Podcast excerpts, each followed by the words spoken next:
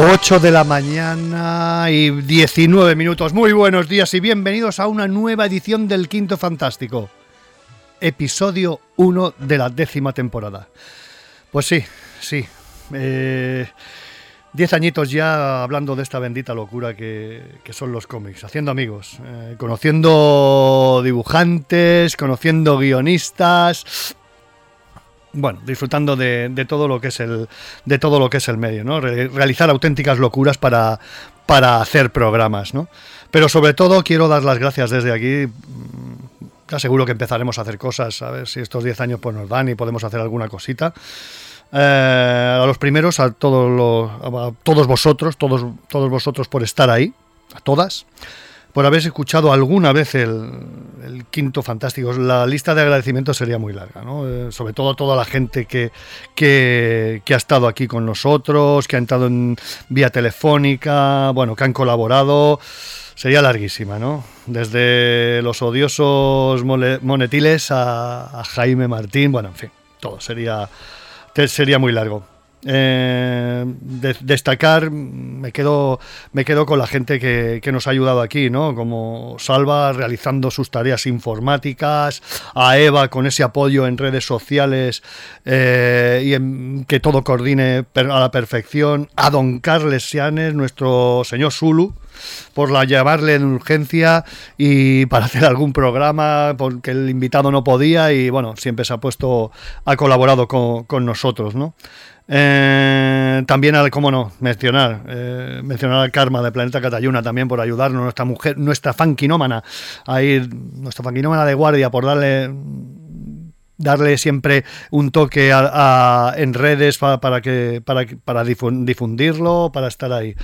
Y sobre todo la más especial, la, nuestra, la que nos coordina, la que, no, la que está aquí, la que, vamos, está siempre en todo momento, eh, nuestra reina de Iboria, nuestra teniente Ujura, nuestra vampiresa, nuestra teniente Ripley del Nostromo. Doña Maite, muchas gracias y buenos días.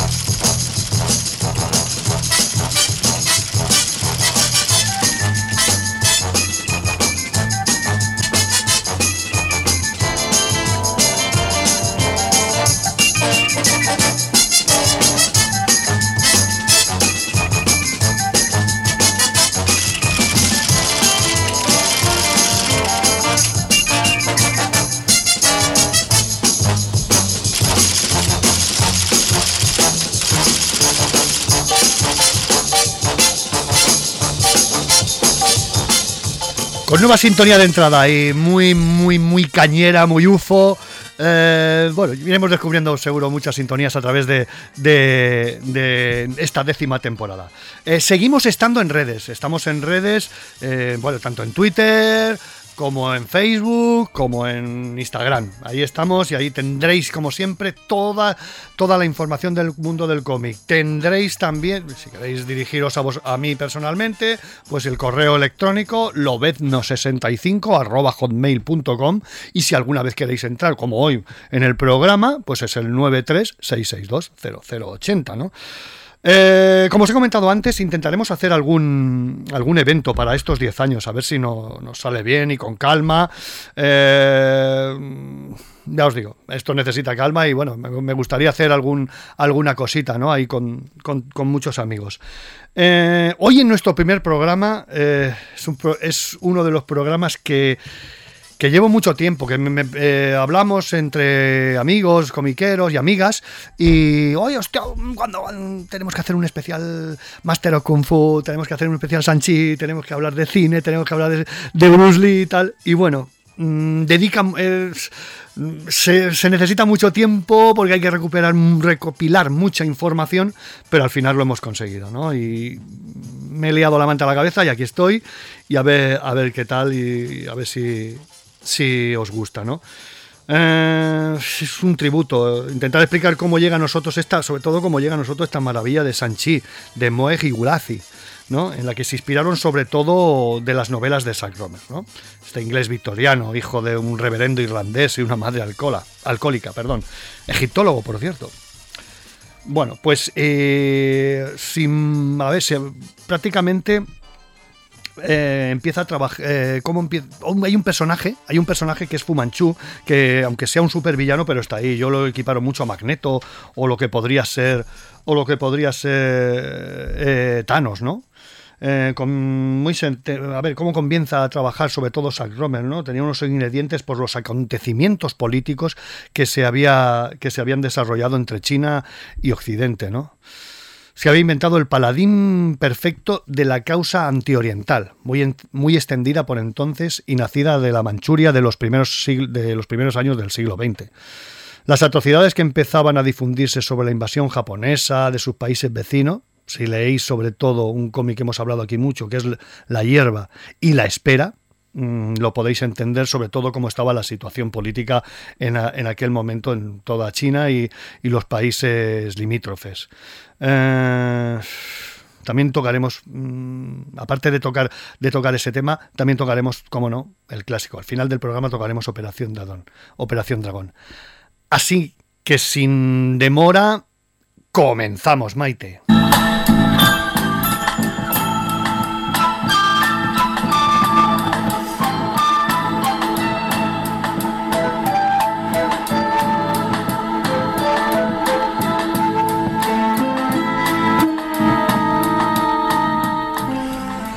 Tiene un comienzo y por eso yo creo que hay que volver un poco al origen, mm, de donde beben tanto Moix como, como Gulazi para realizar uno de los cómics más épicos de, la historia.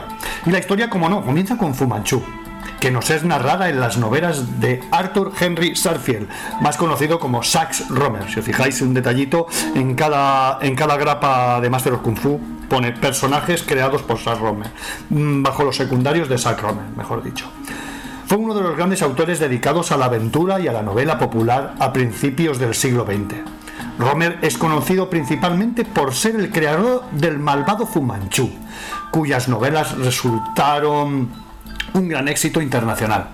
Además, son también numerosas las adaptaciones de dichas novelas tanto al cine como a la televisión, a lo largo de casi todo, de casi todo el, siglo, el siglo XX. Sir, Sir Dennis Nyland Smith, Black Jack Tar, Dr. Petri, que en las novelas tiene un protagonismo importante al tener una relación amorosa con Karamanez, un esbirro del Dr. Fumanchu. ¿Quién era Karamanez? Es una esclava vendida por los comerciantes de esclavos egipcios al Sifan, cuando era, cuando era prácticamente una niña, convirtiéndose en un personaje importante al rescatar en ocasiones tanto a Smith como a Petri. Después, como el roce hace el cariño eh, y se enamoró de Petri, llegan a casarse eh, e incluso llegan a tener hasta, hasta un hijo. Otro personaje muy importante, su seductora hija, Falo Sue, que es una tortuosamente maestra que siempre está conspirando para usurpar la posición de su padre, ayudando a sus enemigos tanto dentro como fuera de la organización. Y cómo no, su ejército personal, los Sifan, que en las novelas aparecen como una sociedad secreta que pretende apoderarse del mundo y restablecer, como no, la gloria al imperio chino son los personajes más iconos creados por, eh, por, por Romer. También eh, hay un detalle mítico, mítico al máximo, eh, que es donde se encuentra el cuartel general de la MI6, en Whitechapel. Fu Manchu es el personaje más famoso, creado por el escritor inglés, que lo utiliza como villano en numerosas novelas de acción y aventuras a partir de 1935. Sociedades secretas, poder mental sobre sus enemigos, dominio sobre los animales, eh, sobre todo en pitones, cobras y arañas negras, armas químicas. Estudioso de varias, en varias universidades. Se implica también eh, que era algo de miembro de la familia real china que apoyó al bando perdedor en la famosa rebelión de los Boxers. Si no tenéis mucho conocimiento por el tema de la, de la rebelión de los Boxers, os recomiendo que veáis 55 días en, Pekín.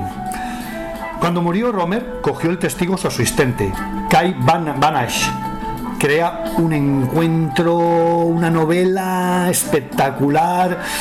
Fijaros, qué título, ¿no? Sherlock Holmes contra el doctor Fumanchu, ¿no? Es, es algo, me gustaría leerla, porque tiene, bueno, fijaros que también entran en esta novela, entran también tanto Smith como Petri. Como os he comentado, descendiente de la familia imperial china, Fu Manchu odia al mundo occidental y a la raza blanca.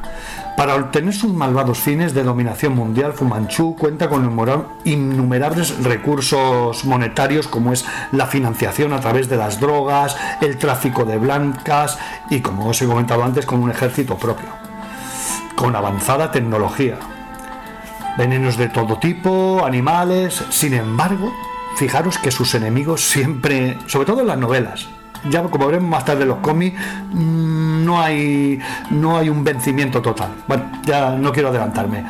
Eh, las novelas, tanto Dennis Nyland Smith y el Dr. Petri siempre acaban con los planes. Novelas publicadas. Eh, Roman publicó 14 eh, novelas. Hace muy poco, para el 2000, 2009, 2011, se volvieron a publicar eh, las novelas. El diabólico Fumanchu, Las novias de Fumanchu, El regreso de Fumanchu, El libro de Fumanchu y El misterioso Fumanchu. Las tres primeras son narradas por el doctor Petri. Después las van narrando según van avanzando algunos de sus aliados. Fijaros que hay una leyenda que dice que Sax Romer se, inspira en la creación de Fumanchu eh, a través de un día que están jugando, bueno, jugando, en una, haciendo una tabla Ouija. Eh, a la pregunta de Sax a la, a la Ouija, ¿cómo se podría hacer rico? El tablero le deletrea China Men. Fumanchu Inspiró a Dennis O'Neill y a Neil Adams para crear Ras Al Ghul, otro gran villano. Eh, yo me quedaría, ya que estamos hablando de villanos, a través de toda la historia me, quedaría con cuatro villanos, para mi gusto, ojo. Eh. Uno es Fumanchu, por supuesto, otro es Drácula, otro es Moriarty y otro es eh.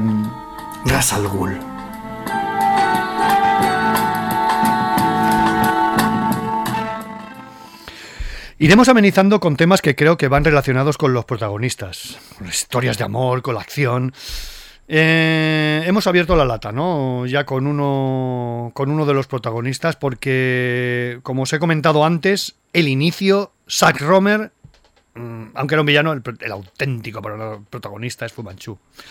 Y seguro que una canción que no faltaría en el repertorio si estuviera hoy en día, hoy, en día eh, funcionando, una canción en el repertorio de Fumanchu sería esta de los China Crisis.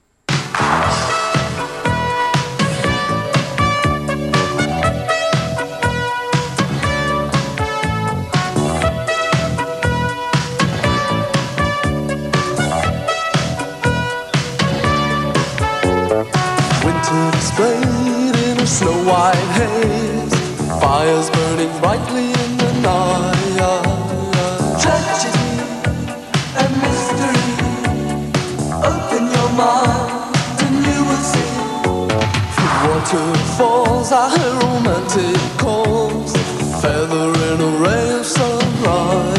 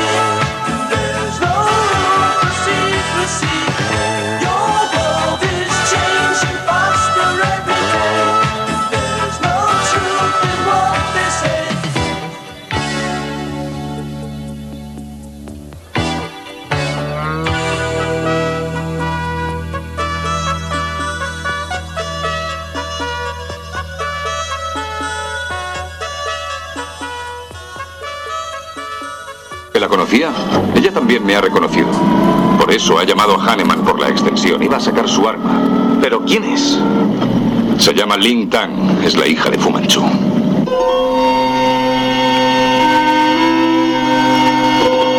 Pagarás por esto, estúpido. Me ha reconocido. Me ha golpeado antes de que sacase el arma. ¿Pero quién es? Neylan Smith. El hombre que más odia a mi padre en todo el mundo.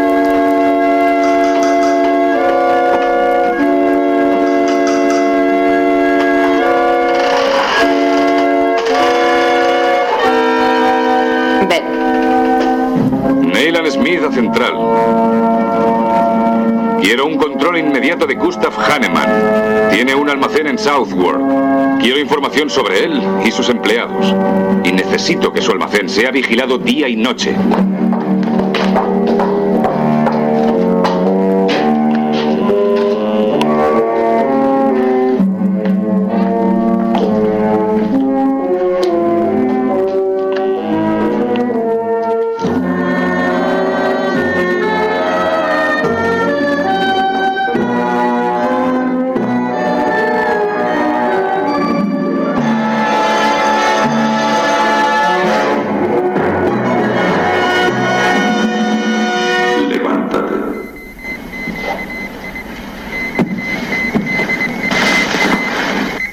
Tengo malas noticias. Habla. Hemos tenido una visita hace unos minutos del ayudante de Muller y otro hombre. ¿Quién era el otro? Neylan Smith.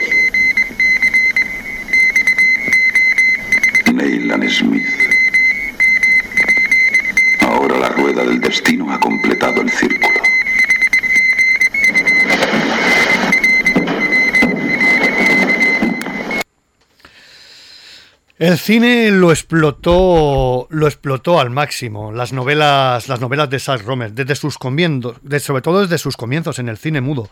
Fijaros, con el comienzo de el, prácticamente la primera fue El misterio del doctor Fumanchu, que eran unos seriales mm, de pocos minutos. La primera aparición eh, fue, en, como os he comentado antes, en El misterio del Doctor Fumanchu, protagonizado por Harry Agar Lyons. ¿no? Así, fijaros que hay, un, hay algo que me ha llamado buceando para, buscar eh, información sobre, sobre Fumanchu. Fijaros cómo definían los, los, los directivos de la Metro Goldismayer al personaje, ¿no? porque al final son ellos los primeros los que deciden llevar las novelas de Zack Romer. Fijaros. Imagina una persona alta, enjuta y felina, alta de hombros, con un entrecejo seisperiano y con un rostro satánico, con el cráneo afeitado y unos largos dedos. Magnéticos ojos de gato verde.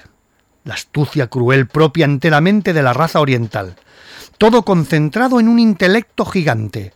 Imaginen a ese terrible ser y tendrán un retrato mental. Tendrán al doctor Fumanchu la larga coleta, los ojos brillantes, el característico bigote. Fumanchu ha sido interpretado en el cine por varios actores de, en muchas películas que, han utilizado, como se ha comentado, las novelas de, de, Romer, ¿no? Como base. Después ellos han, las han puesto, los guionistas las, las han derivado a, su gusto. Destacar eh, un papel, bueno, mm, dos. Eh, el primero fue Boris Karloff, pero el gran Fu Manchu, por toda la, caracterización que os he comentado, ni más ni menos que fue eh, Christopher Lee, porque es que lo clavan con Christopher Lee. Le tienen que poner los ojos achinados y la coleta y es, es, es vamos, es Fu Manchu. Comienzan, comienzan a las novelas. En 1913, El diabólico doctor Fumanchu, El misterio de Fumanchu. A la quinta novela, En la máscara de Fumanchu, fue cuando la Metro se interesa por, eh, el villano. Los, los jefazos del estudio echaron un vistazo a su nómina, a lo que tenían ahora mismo en la nómina Estoy hablando de 1920, 1913, entre 1913 y 1920. Fijaros los actores que, tenían para, interpretar a, a Fumanchu. Gar Gable, Robert Taylor, eh, Mickey Roon, eh, Lionel Barrymore, Spencer Tracy. Pero ¿qué pasa? Que ahí llegan la primera vez y llegan a Boris Karloff, el actor más popular y taquillero que había en, aquel momento. Fumanchu comienza a andar. Una de las historias que sobre todo a mí me, fascinó de Fumanchu es una, por, siempre por lo, por lo vamos a ponerle un poquito por lo Indiana Jones, ¿no? De, buscar tesoros arqueológicos, fue la que se encapricha de la, de la espada de Genghis Khan. Un arma muy poderosa que, según la mitología, permitirá dominar a todos los pueblos asiáticos, habidos y por haber, y que además le renderán pleitesía a quien la lleve, como sucesor de Alejandro el Magno. Pase. Sir Lionel Barton, señor. Oh, claro, que pase, que pase. Señor. Hola, Nylan. ¿Qué tal? Bien, Lionel, pero antes de nada quiero hacerle una pregunta muy extraña. ¿Ama a su patria? Naturalmente. En la guerra, en las depresiones, cuando los impuestos son altos y los sueldos bajos, para mí no habrá otra. Sir Lionel, el gobierno inglés solicita de usted que arriesgue de nuevo su vida. Oh, muy bien. Gracias. Cuando salga de aquí piensa ir al Museo Británico a ver a algunos amigos suyos. Les va a pedir que le acompañen en una expedición al desierto de Gobi para buscar la tumba perdida durante tantos años de Genghis Khan. Pero, ¿cómo sabe usted eso? Mi misión es enterarme de todo. Ser Lionel, debe usted encontrar esa tumba. No podemos permitirnos ser derrotados. Deberá ser el primero en encontrarla. ¿Por qué tanta prisa? ¿Conoce a Fumanchu? Sí. Él también quiere ser el primero. Ah, no sabía que fuera arqueólogo. Oh, no lo es. Está loco por el poder. ¿Qué piensa usted encontrar en esa tumba? Historia. Los platos de oro con la amenaza escrita del regreso de Genghis Khan, la máscara de oro que llevaba y su famosa y enorme cimitarra. Para usted, son interesantes desde un punto de vista arqueológico y que engrosarán la colección del Museo Británico. Pero si Fumanchu encuentra esa máscara y enarbola esa cimitarra entre sus huesudos y crueles dedos, toda Asia se levantará. Declarará que Genghis Khan ha vuelto a la vida. Y esto, amigo mío, es lo que usted tiene que evitar. Debe encontrar esa tumba. Tiene que ser el primero en encontrarla. Y traer esos preciados tesoros a Inglaterra. La trama es espectacular. La trama de la viola yo os la recomiendo muchísimo. Que, si no sé si estarán filming, ahí tienen prácticamente tienen todas las películas así más ah, que llevan que, tienen unos años, ¿no? Fíjate, eh, bueno, eh, recuperar la, la, cimitarra, como muy bien dicen en el corte de Genghis Khan. Ordena raptar a uno de los protagonistas que ha salido en el corte, Sir Lionel Barton, interpretado por Lawrence Grant. Mm, Sir Lionel Barton es un expedicionario inglés eh, y Fumanchu, con la ayuda de dos hombres momias, en pleno museo británico lo, lo, lo rapta. Entra Fumanchu y cómo entra. Espectacular. Precedido por un golpe seco de gom, en pleno laboratorio humeante. Para los comiqueros os pongo un ejemplo. Mephisto, con bigotes y ojos de anaconda, preparando brebajes del Averno con sus dedos de bruja de Alomatbeck. Por si fuera poco el shock, el demonio tiene, una hija. Bueno, como se ha visto tanto en las novelas como en las películas y como en los cómics. Falosue. Bella en su pobredumbre, encarnada sobre todo en estas películas por una actriz que a mí me fascina muchísimo. Mirna Loy, guapísima, morena, buah, Os la recomiendo aquí y en El último refugio con Humphrey Bogart. Es, es una auténtica salvajada. Eh, se han visto muchas películas en, el cine Málaga, lo siento. El público El público que un año antes se quedó de pasta de moniato eh, al ver a, Frankenstein asistió ese 4 de diciembre de 1932 a los 78 minutos más fascinantes de la máscara de Fumanchu, con la intención de volver a pasarlo fatal. Sin embargo, el pelotazo de la Universal, que las anteriores películas, no se repitió.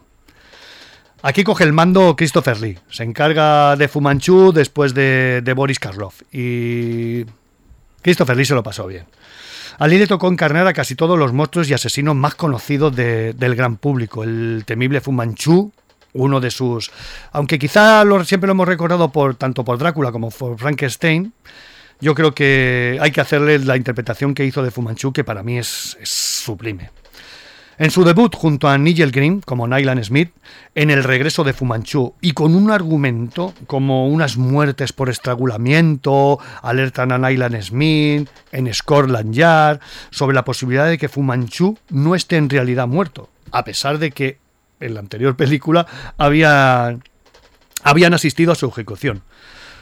Los motivos son. Los motivos que mueven a, a, Fumanchu es un spray asesino hecho a base de vallas tibetanas que parecen estar relacionadas con los crímenes y las pistas que conducen sobre todo a un punto, al río Támesis. Londres está en peligro y el regreso de Fumanchu es un hecho. Eh, la primera película, la primera película de Christopher Lee que, encarnaría al, al personaje legendario, esa sí que es tan filmy, que la, he visto. Después vinieron Las novias de Fumanchu, con Douglas Wilmer en el papel de Nylan Smith. El megalómano Fumanchu secuestra a 12 eminentes científicos y les envía a una isla remota. En vez de pedir un rescate, Fu quiere que los padres de las chicas inventen un rayo mortal para poder dominar el mundo. Pero su enemigo más acérrimo no se quedará quieto. Nylan Smith de Scotland Yard tratará de impedirlo. Estoy asustada, Nicky. No comprendo por qué razón quieren raptarme a mí. Ninguno sabemos la razón. Sin embargo, creo que el hombre que anda detrás de esto es el más perverso y el más despiadado del mundo. Si la necesita para sus planes, no descansará hasta conseguirla. Nylan Smith.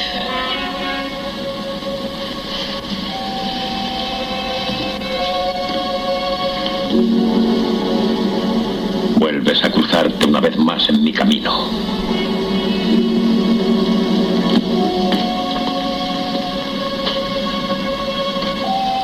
Padre, ¿qué instrucciones quieres que envíe a Londres? Diles que no hagan nada hasta que tú hayas llegado. ¿Cuándo me marcho? Mañana. Y en esta ocasión no debe fallar nada. Espera. El doctor Merlín tiene que ir a París. Saldrá contigo. Y ahora nos vamos con un tema, un tema que, como ya hemos dado las primeras pinceladas sobre Falosue, yo creo que le pegaría ni más ni menos que el tema de Shocking Blues, Venus. Venus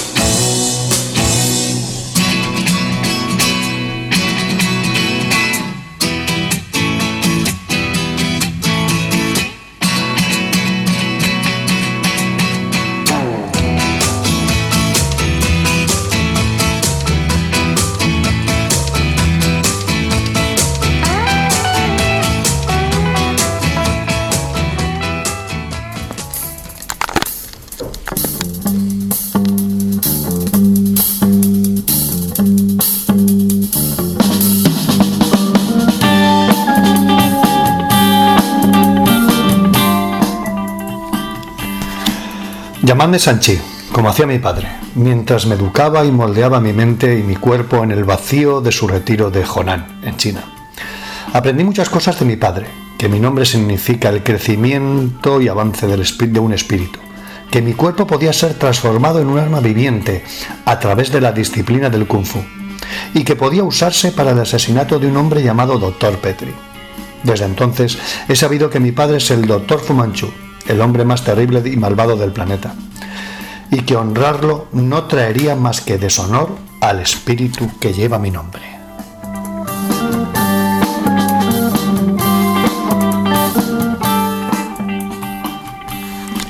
Así comienza toda la aventura que nos dio tanto Gulazi como, como Moe con Sanchi, y, bueno, y más en concreto con Maestro del Kung Fu.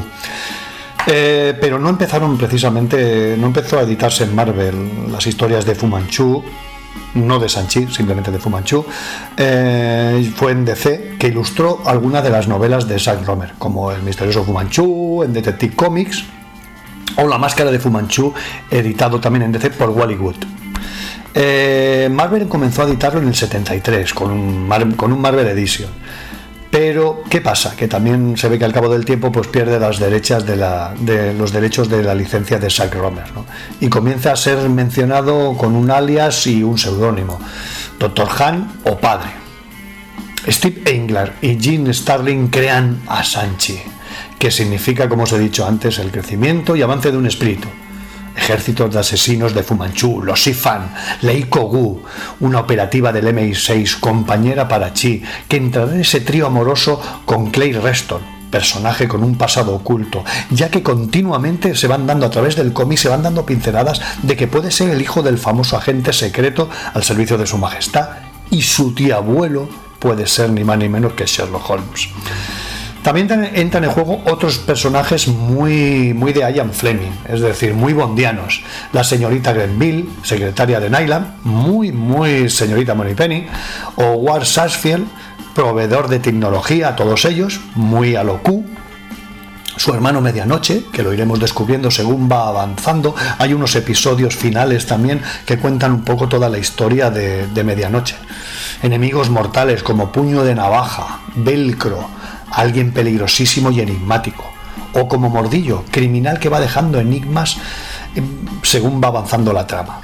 Salto oscuro, con los caudillos de la red, realmente son muy enigmáticos. Pero son los guionistas Don Moore y Paul Gulazi los que consiguen esa comunión al mezclarlo todo y agitarlo como si un Bloody se tratase. Los cómics son auténticas obras maestras mezclando lo bondiano de Fleming y el Holmes de Conan Doyle. Se ve que, se ve que cuentan en la leyenda que bueno tenían unas, unas conversaciones de lo más friki tanto Don Moore con Don McGregor bueno, en torno a la vida del, personaje de, Su Majestad de 007. Según vamos avanzando, nos encontramos con aventuras míticas donde Mordillo captura a Leico, la rapta para tener en funcionamiento el proyecto solar, un arma definitiva del que su funcionamiento se sabe muy poco. Chi Reston, eh, este último muy dolido, ya que, ya que mm, en su pasado lo deja por Simon Brennor, que es en realidad eh, el alter ego de, Mordillo. Eh, bueno, ahí hay un secreto dentro de la mente de Leiko que ella misma no lo sabe al quedar hipnotizada y tiene y sobre todo que tiene que ver mucho con este secreto tiene que ver muchísimo con el proyecto solar. De esta relación descubrimos que Reston es un celoso paranoico y esto se junta con la misión de encontrarla eh, en el proyecto ultravioleta, las claves para ponerlo en marcha, todo el proyecto solar. Otra de las cosas que nos llama la atención del cómico setentero es el protagonismo tanto de las heroínas como de las villanes. Pavante, Pavane, perdón, amante de velcro y gran luchadora. No podía faltar para, esta historia eh, una canción muy, muy, muy, muy de heroínas y de villanas del cómic.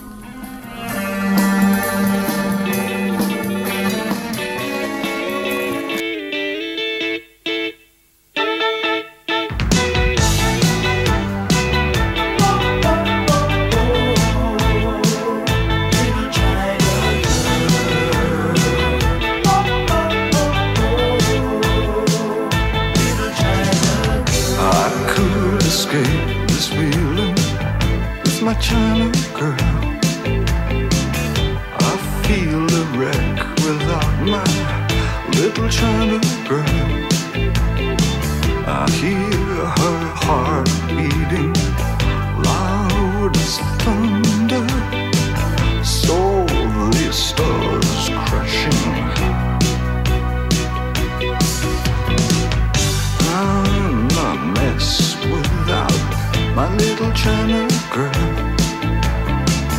Wake up in the morning, where's my little China girl? I hear hearts beating loud as thunder. I saw the stars crashing down. I feel tragic like I'm Brando. When I look at my China girl, I could pretend nothing really meant too much. When I look at my China girl.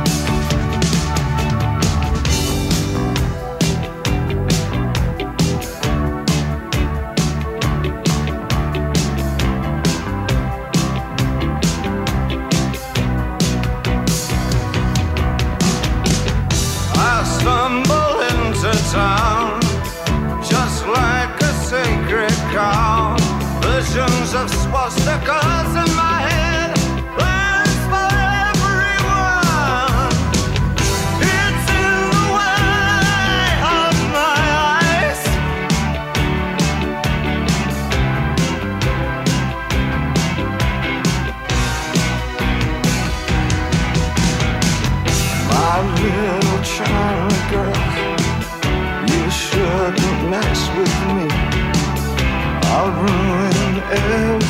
everything you are. You know, I'll give you television. I'll give you eyes of blue. I'll give you a man who wants to rule the world. And when I get excited,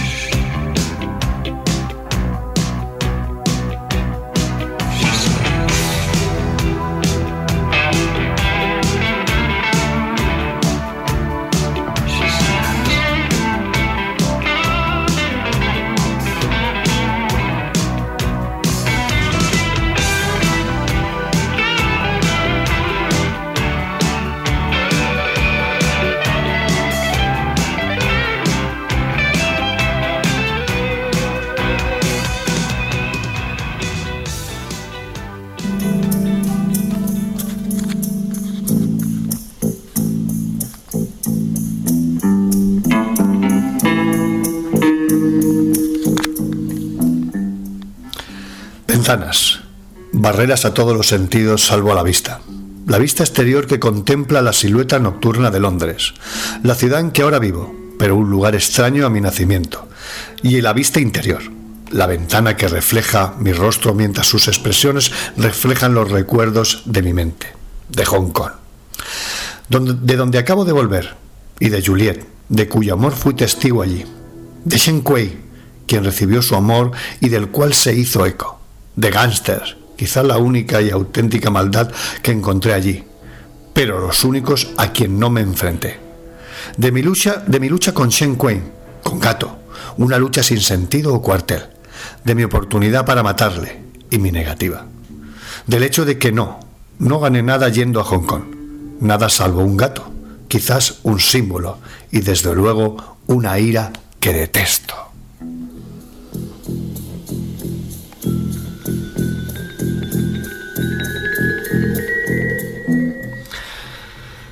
Eh, hay que decir que, que bueno, que en Polar releva en algunos episodios a Gulazi en el dibujo, ¿no?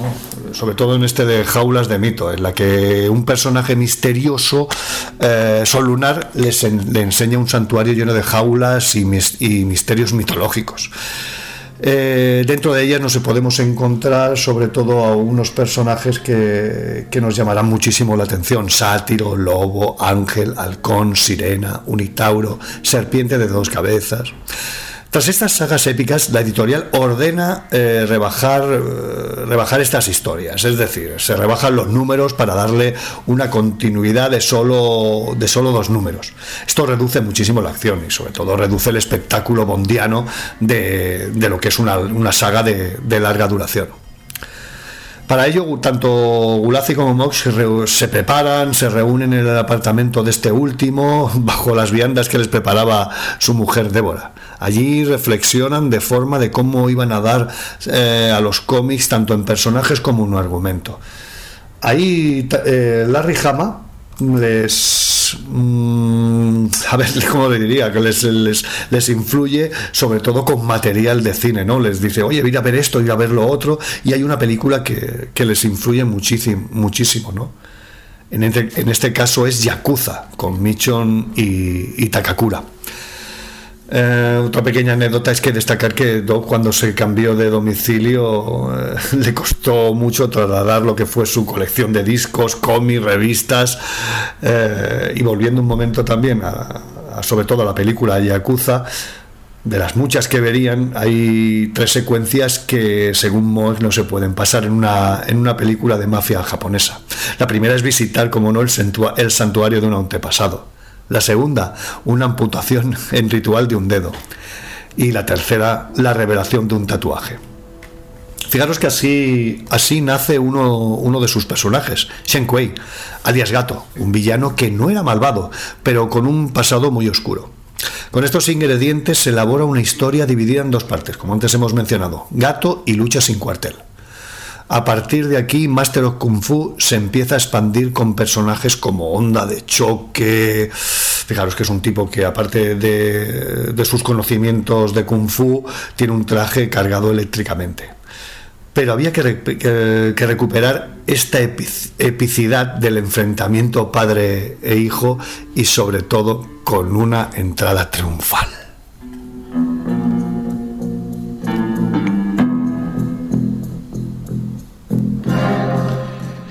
Ya que estamos prácticamente metidos ahí, en, eh, sumergidos en lo que sería el cómic de Master of Kung Fu, en los Limited Edition, en los tesoros Marvel, qué mejor que escuchar este tema de Alan Parson. Os recomiendo que veáis el vídeo porque es un auténtico cómic.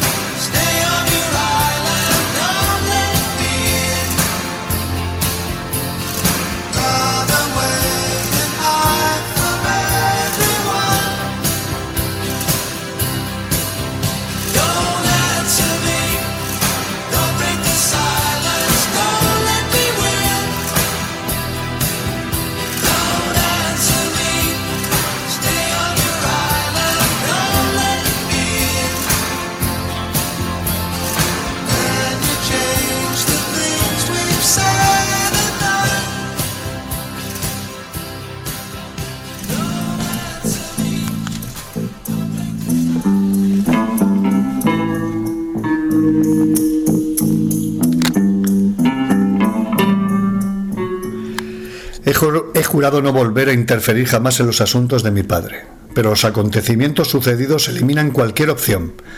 Me, obligan a romper todas mis promesas, porque estoy atrapado entre fuerzas que no puedo controlar, fuerzas que me controlan, contra mi voluntad. Para la, para la mayoría, esas fuerzas representarían el amor. Para mí, son la muerte.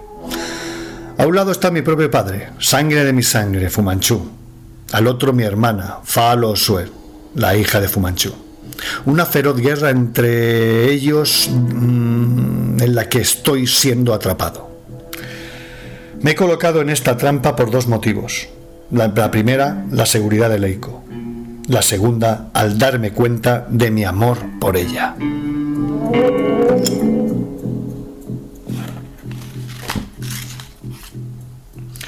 Así comienza, así comienza mm, esta, esta, saga de seis episodios en la que la epicidad, el eh, bondianismo, de, todo un espionaje, de, de recorrer lugares por todo el mundo, enfrentándote a, a villanos, es, es la, es la tónica de estos seis episodios.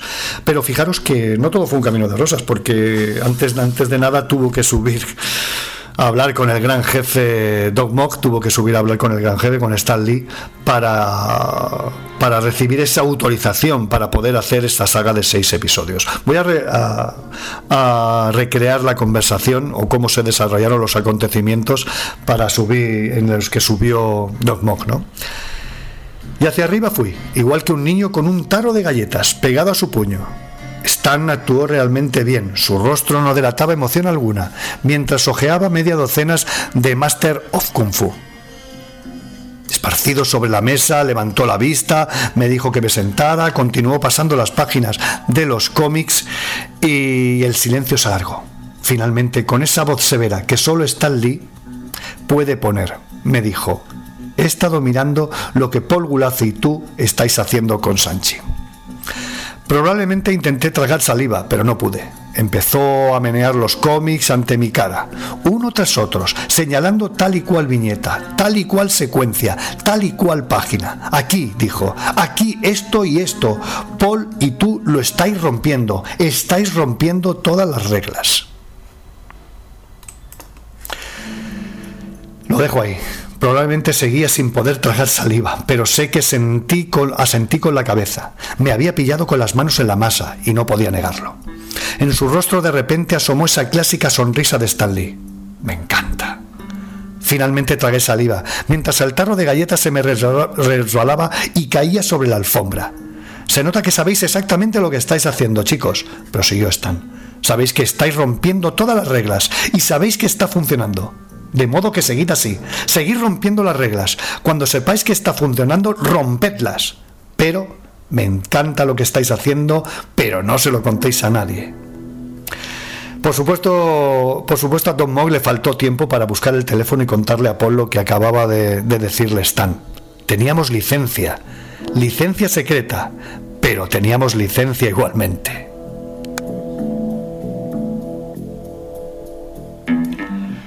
Así que decidimos nuestra magnum opus en seis partes sobre Fu Manchu. Aunque en el transcurso se traslada en ocho con el preludio, con el preludio de Dagas Doradas y con la narrativa en forma de flashback contando, contado por Ducharme, una de las esbirros de, una de las esbirros de, ofreciendo un pequeño adelanto de lo que estaba por venir. La el primer, eh, el primer cómic es en primera persona contado por Sanchi. El segundo por Cliff Reston, El hechizo de la araña. El tercero por Leikoku, Arena fantasmal. El cuarto por Black Jack, la ciudad en la cima del mundo. La quinta por Sir Dennis Nylatz Smith, El asunto de la gente que murió y el sexto contado por el propio por el propio Fumanchu.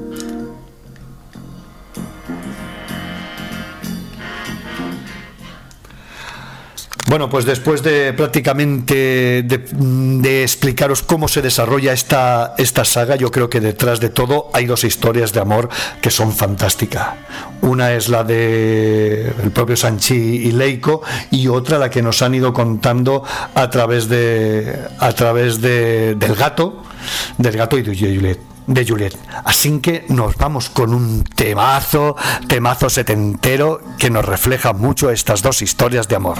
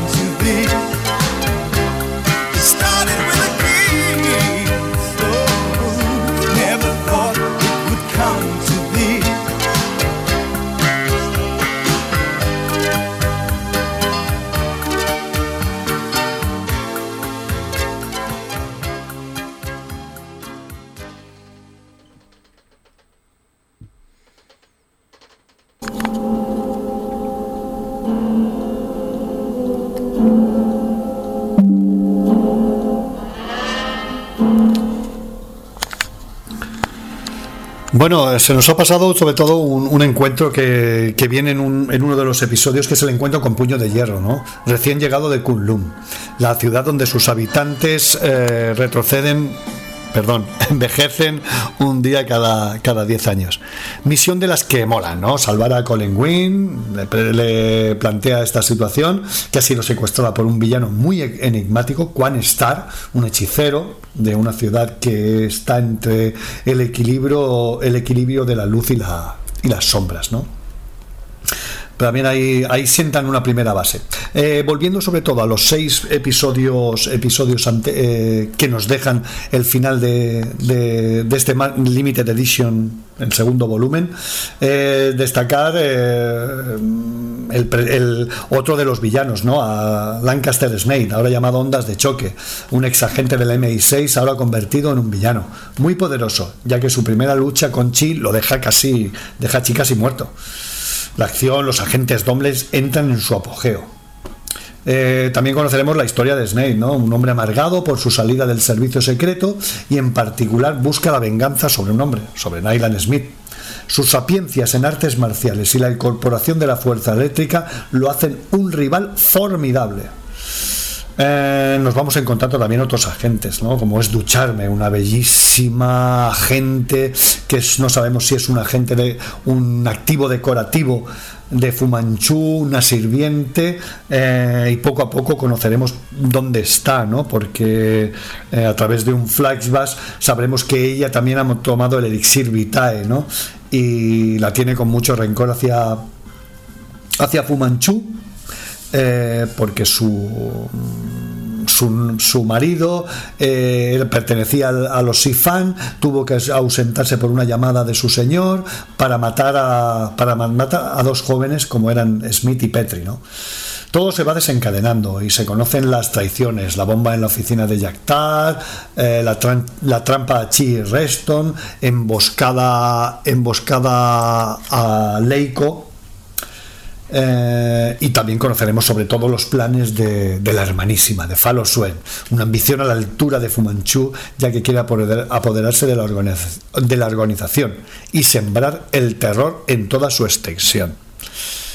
Las situaciones son críticas en las que se han de tomar decisiones rápidas. Heridos Smith y Tar, eh, pocas cosas pueden hacer, pueden hacer tanto Chi como Leiko y también Reston, ¿no? que está con ellos. La decisión de, de hacer una oferta a Falosue eh, para que vaya cambiando un poco de bando. eh, bueno, ella va jugando, ella va jugando en todos estos, en todos este, en este mar de, de dudas que crea el espionaje, ¿no? Eh, centrándonos sobre todo en, los, episodios El hechizo de Luna. Si hasta ahora el narrador era Shi, ahora la narración corre a cargo de Clear Reston, prisionero de Grisgold y Falo Suen. Esta última lo, hace, lo hace, mm, le introduce el gas de la mimosa para con sus poderes de hipnosis hacerse, hacerse con, con la mente de, de Reston, ¿no? Eh, después hay otro, el, el siguiente episodio, Arena Fantasmal.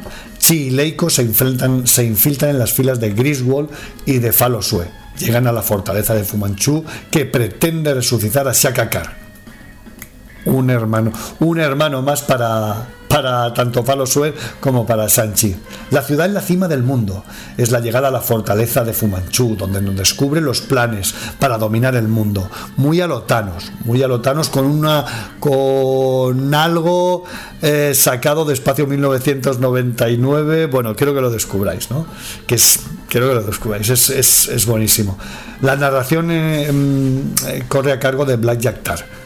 Eh, hay una escena que la narran a la perfección, que es cómo se va abriendo Sanchi a través de los sifán con una especie de, nu- de nuchancos, hasta encontrar a, a esto- encontrar a Shakakar, el nuevo hijo de, de, de Fumanchu. El asunto de la gente que murió. Aquí la narración corre a cargo de Sir Dennis Nyland Smith, en la que empieza con la impotencia de no la impotencia de no poder estar en la lucha, no en la zona de combate. Este, en este capítulo nos encontramos con dos encuentros llenos de odio. Uno es por parte de Fumanchu que se encuentra con Black Jack Tar y otro con Sanchi con Shaka Kar, su hermanísimo. Pero los acontecimientos no, para impedir los planes de Fumanchu tienen sus víctimas, una en concreto de Jace Lasner. Ya en el último episodio, en El Destructor de Sueños, en esta ocasión quien nos va narrando es Fumanchu, con extractos de su propio diario. Conoceremos los planes de Fumanchu, reducción de la población mundial, como os he comentado, muy a lo, a en la que China se vería eh, la población más favorecida, porque son los que más van a, a sobrevivir. Los fluidos nutrientes que dan vida a Shaka Kar también salen a la luz. En fin, una trama, una trama increíble. En el epílogo, en el epílogo nos vamos a encontrar con la victoria sobre todo de sobre Fumanchu, pero como os he comentado antes con el sabor agridulce del entierro de James Darden. Pero sobre todo nos encontramos con un enganche al tercer volumen del Limited Edition porque nos deja con muchas dudas, ¿no? Sobre todo cómo se disuelve el equipo con muchas tiranteces y las dudas sobre todo de, de Shang-Chi es algo mm, que te deja o hay un cliffhanger eh, espectacular.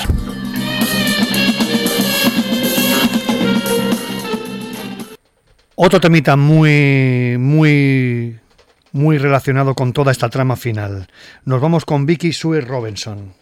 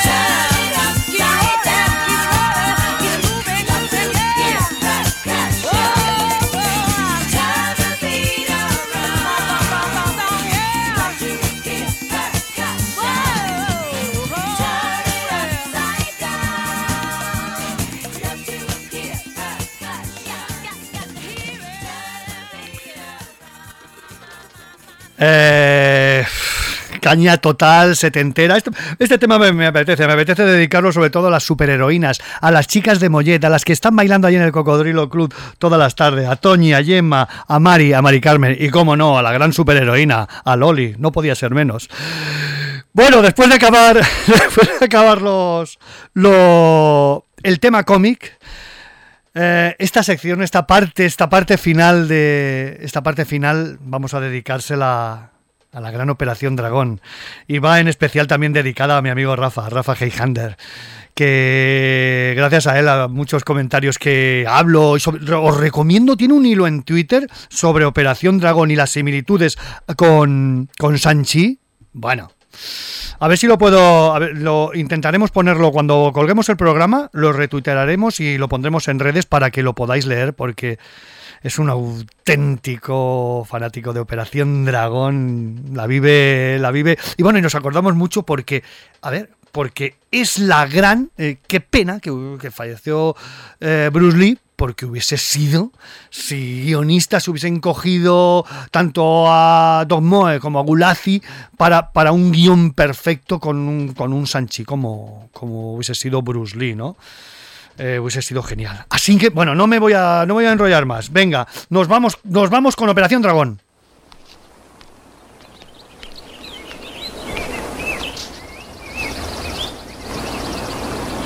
Atácame. Atácame.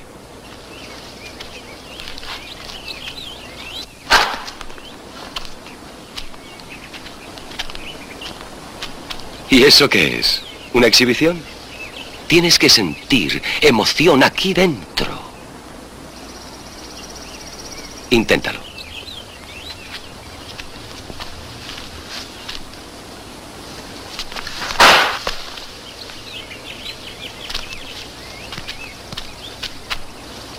He dicho emoción, ¿entiendes? Inténtalo. Inténtalo otra vez.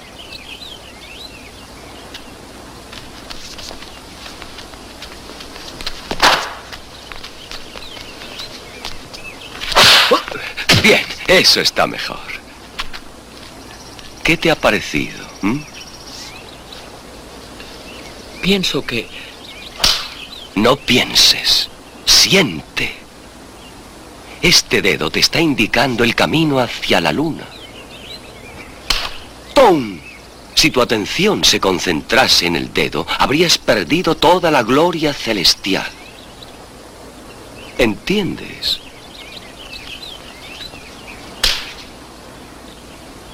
No pierdas de vista a tu adversario ni siquiera cuando le saludas. Eso es.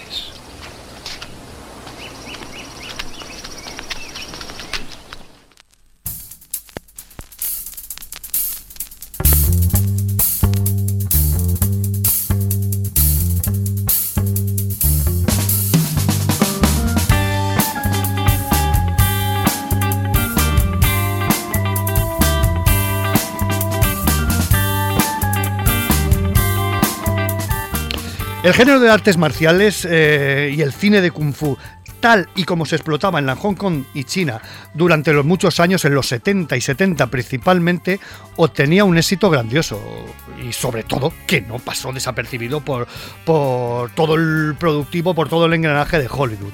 Bruce Lee era el objetivo idóneo para encarnar al héroe artista marcial capaz de sorprender a la audiencia oriental para trasladar ese asombroso, para trasladar toda esta eh, vorágine de artes marciales al público norteamericano.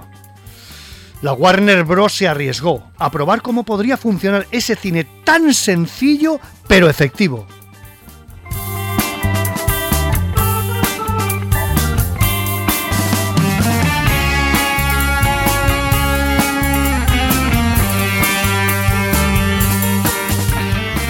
Utilizando la fórmula hongkonesa, pero aplicándole los ingredientes del cine Made in Hollywood. La Warner ficha a Bruce Lee para protagonizar una película que cumpliría con esos propósitos. Era arriesgado, pero el carisma y los ingredientes adecuados dieron lugar a una película de enorme popularidad y convertida en el trampolín para el género. amén de convertir sobre todo a Bruce Lee en un icono reconocido mundialmente. La pena es que falleció y lo, penoso también es que fue que es que no, no, llegó a, no llegó a verse el estreno de... Él no llegó a ver el estreno de Operación Dragón en el 73. Operación Dragón mezcla con acierto ingredientes al, al más puro estilo 007, especialmente una trama que podría ser, haber sido protagonizada por el mismo Bond. Además de un villano digno de la saga Diane Fleming, mezclado con el cine de acción de artes marciales sin renunciar al exotismo, aportando ese toque pool y sobre todo ya sabéis que soy un fanático, pero de la Black, Black Exploitation en estado puro.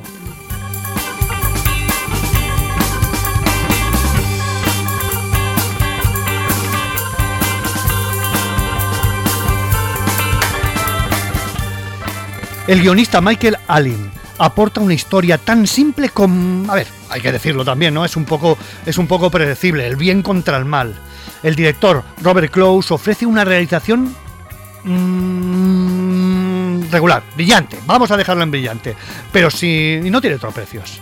Los norteamericanos, los dos que pone muy, a ver, para los más comiqueros es que es muy, muy hijos del tigre.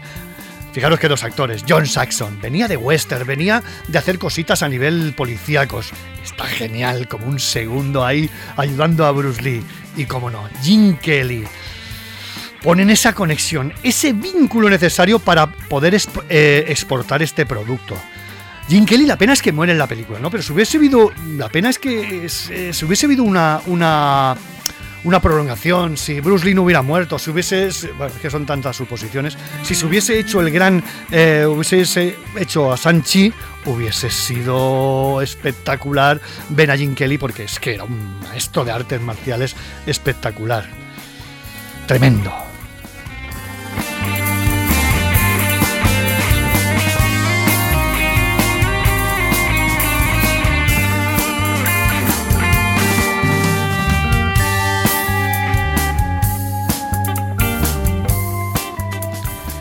Bajo estas notas, Lalo Schifrin una- hace una banda sonora sobresaliente. Sabe fusionar ambos mundos en el escenario, la tramia, las luchas de karate. Mm, bueno, está espectacular en cada momento, en, en el inicio, en el, templo Shaolin, en la lucha final. Bueno, la banda sonora es mm, 10,5, sobrepasa, ¿no? Y sobre todo, Bruce Lee nos regala como a un protagonismo, a un protagonista carismático, chulesco hasta hasta la saciedad, veloz como nadie lo había visto hasta entonces, y acompañado sobre todo de una filosofía, su filosofía del bien contra el mal. Todo ello dio lugar a una de las películas de culto del género, un hito, un auténtico hito para la época, y que a pesar de, a ver, no es una película perfecta, todo hay que decirlo, consigue una película de repleta de diálogos brillantes, coreografías asombrosas para la época. Estamos hablando de 1973. Eh, yo la vi hace muy poco en el, en el fenómeno, hace fuimos, fuimos allí con la doña de frecuencia global y bueno, lo pasamos pipa. Creíamos que no iba a ir nadie. Una cola, un llenazo espectacular. Y bueno, disfrutamos con la película como si estuviéramos en el año 73 con aquellos chutes co- con, aquellos chuches comiéndolos. Comiéndolos, perdón. Escenas memorables que consiguen un resultado de entretenimiento absoluto, emoción desde el primer plano, como os he comentado, en el templo Shaolin hasta el último, hasta la garra, hasta la garra peluda, es todo fetichismo absoluto.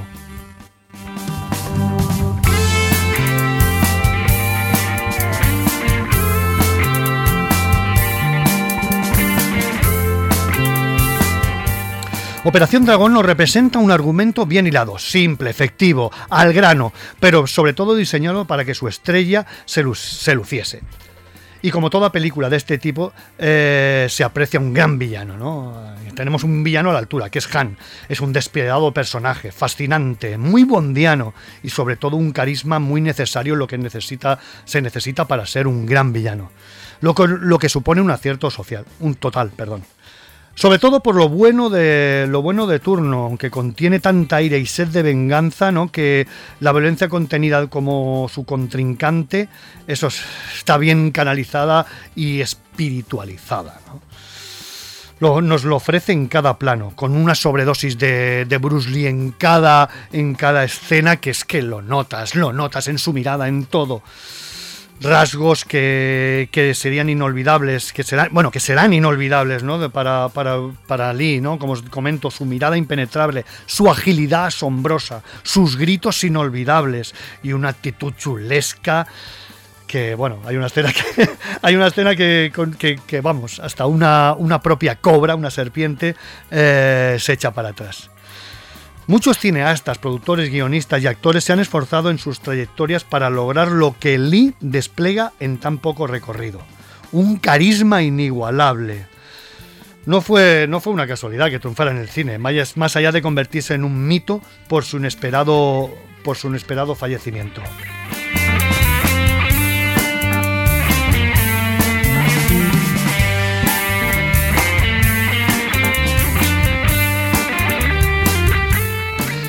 Eh, Bruce Lee ayudó a coreografiar perdón, todas las escenas de lucha. Aportó su extraordinaria visión de espectáculo de artes marciales. Eh, yo para mí que son los de las mejores, ¿no? Sobre todo, toda la parte de toda la parte de luchas la hace, se nota que está trabajada.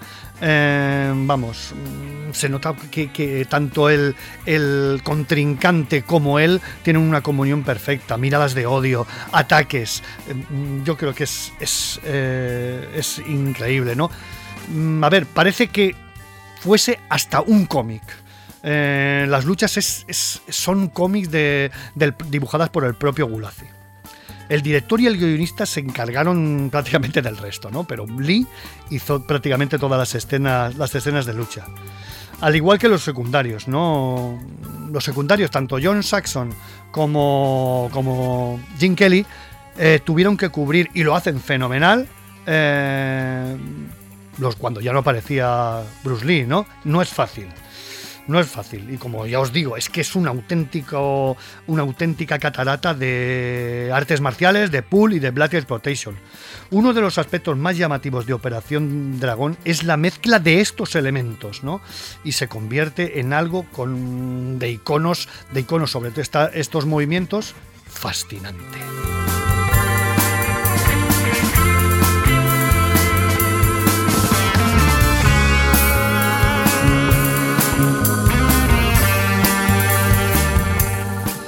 Desde las vitrinas con las manos, con las manos, eh, aquellas, aquellas zarpas, las manos de Han, ¿no?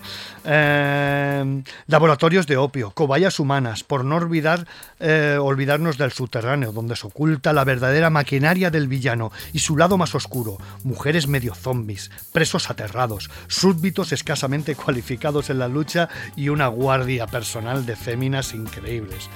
Eh, creo que con el tema de, la guardia personal de las féminas, yo creo que se podía haber dado algo más, ¿no? Haber hecho ahí una. Ahí faltó un- una líder, ¿no? Eh, hubiese sido. eh, por tomar un ejemplo del cómic, una Falo Sue hubiese, hubiese venido, hubiese venido de muerte. Más allá de esto, queda todo lo demás en plano un poco anecdótico, ¿no? Eh, aunque merecía un análisis, eh, esta película merece un análisis más detallado. No podemos olvidar de los momentos. Nos, nos tenemos que quedar con los momentos más brillantes, sobre todo en especial de esa famosa y archiconocida escena apoteósica, el duelo final, cara a cara, en una sala llena de espejos. Bruce Lee extrayendo dentro de sí su lado más letal, mortífero y vengativo pero de eso de- con un asombroso resultado, pleno de emoción. Ese juego de espejos ofrece un espectáculo sobresaliente y es una pura esencia de toda la película.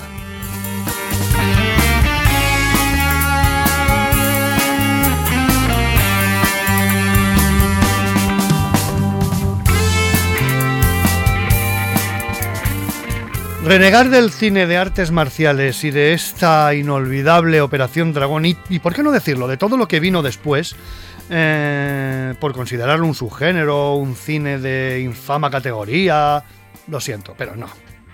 Para mí Expert es un espectáculo que, sobre todo que brinda Bruce Lee y todos los que intentaron imitarle, eh, es un espectáculo total y absoluto, por todo, por la aventura, por, porque recoge una buena parte de la propia personalidad del legado de Bruce Lee a través de todas las películas, su muerte y todos los que siguieron, los que siguieron, a los que aprendieron de él, los llamarlo como queráis, los imitadores, lo que sea, pero para mí no hay que renegar ni mucho menos de, este cine. A Bruce Lee lo consiguieron, su figura será inmortal al proyectarlo estos años mm, tanto internacionalmente y será algo que será un icono del cine y es Cooperación Dragón es un clásico que sobrepasa todo su género.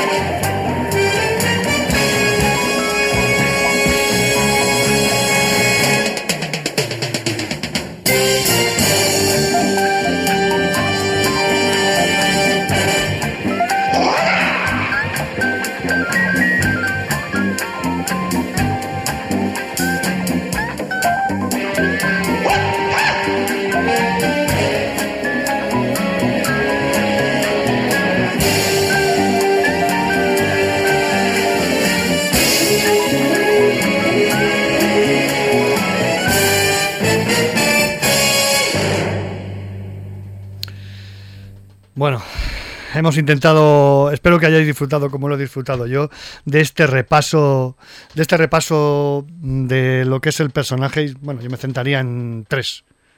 Empezando como Fumanchu con, con las novelas de Zack Romer, pasando después por Sanchi, que es el icono principal de, de, nuestro programa, ya que es el personaje creado en los cómics, para después hacerle un rendido homenaje sobre todo a Bruce Lee y a esa Operación Dragón.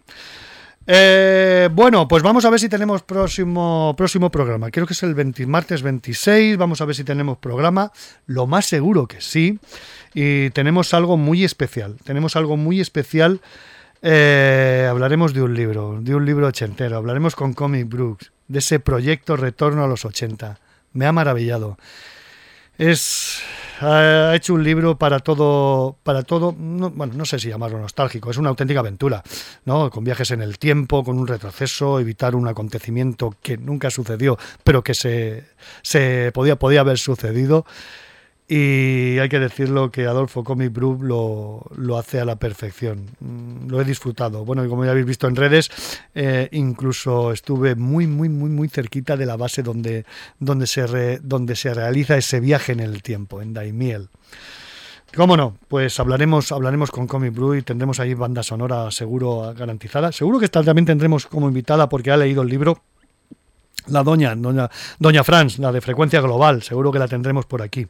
Y también hablaremos, haremos un poquito de difusión del cómic de Folguerolas, de Folguerolas, ahora lo he dicho bien. Hablaremos con Josep Olmo, eh, a ver que nos explique qué, cómo se está gestando, qué se está haciendo, eh, qué días serán, creo que es el 8 de octubre, pero qué, qué día será para ver si os queréis acercar por Folguerolas a ver qué, qué cositas importantes nos podemos encontrar, encontrar allí. Pues bueno, pues oye, agradecer como siempre, agradecer sobre todo a todos los que participan en el Quinto Fantástico desde, desde la humilde redacción de Radio Gabá. Comenzamos esta, esta andadura ya hace mucho tiempo ahí en la fábrica de la ciencia y, y ahora pues fíjate, pues 10 años aquí dándolo, dándolo todo. Espero, como os he dicho antes, que, que, podamos hacer un gran, un gran homenaje, ya no por mí, sino por vosotros, que habéis sido los que, vosotros y vosotras, que habéis sido los que habéis aportado, habéis escuchado alguna vez el, el Quinto Fantástico. Así que sin, na sin nada más que decir, agradecer también a una persona. Se me ha olvidado y es una de las personas más importantes que, que, hace, que hace el Quinto Fantástico, que es Serafín Quesada. Nos hizo el icono, nos hizo, eh, eh, pensamos, él dio la idea del quinto fantástico. Eh, bueno, agradecerlo eternamente. Ha estado aquí con nosotros, me ha acompañado a salones del cómic. Bueno, un tipo genial y nos conocemos desde hace mu, mu, muchísimos años y, bueno, darles desde aquí gracias Serafín por, por ayudarme, ayudarme siempre en, en todo proyecto de, de, hacer el quinto, el quinto fantástico. Bueno, ya no me enrollo más, que si no vamos a estar aquí dando agradecimientos hasta, hasta las tantas. Simplemente, ¿queréis leer un cómic por la radio? Sí, aquí, en el Quinto Fantástico, en Radio Gabá. Amiguitos, y no olviden supervitaminarse y mineralizarse.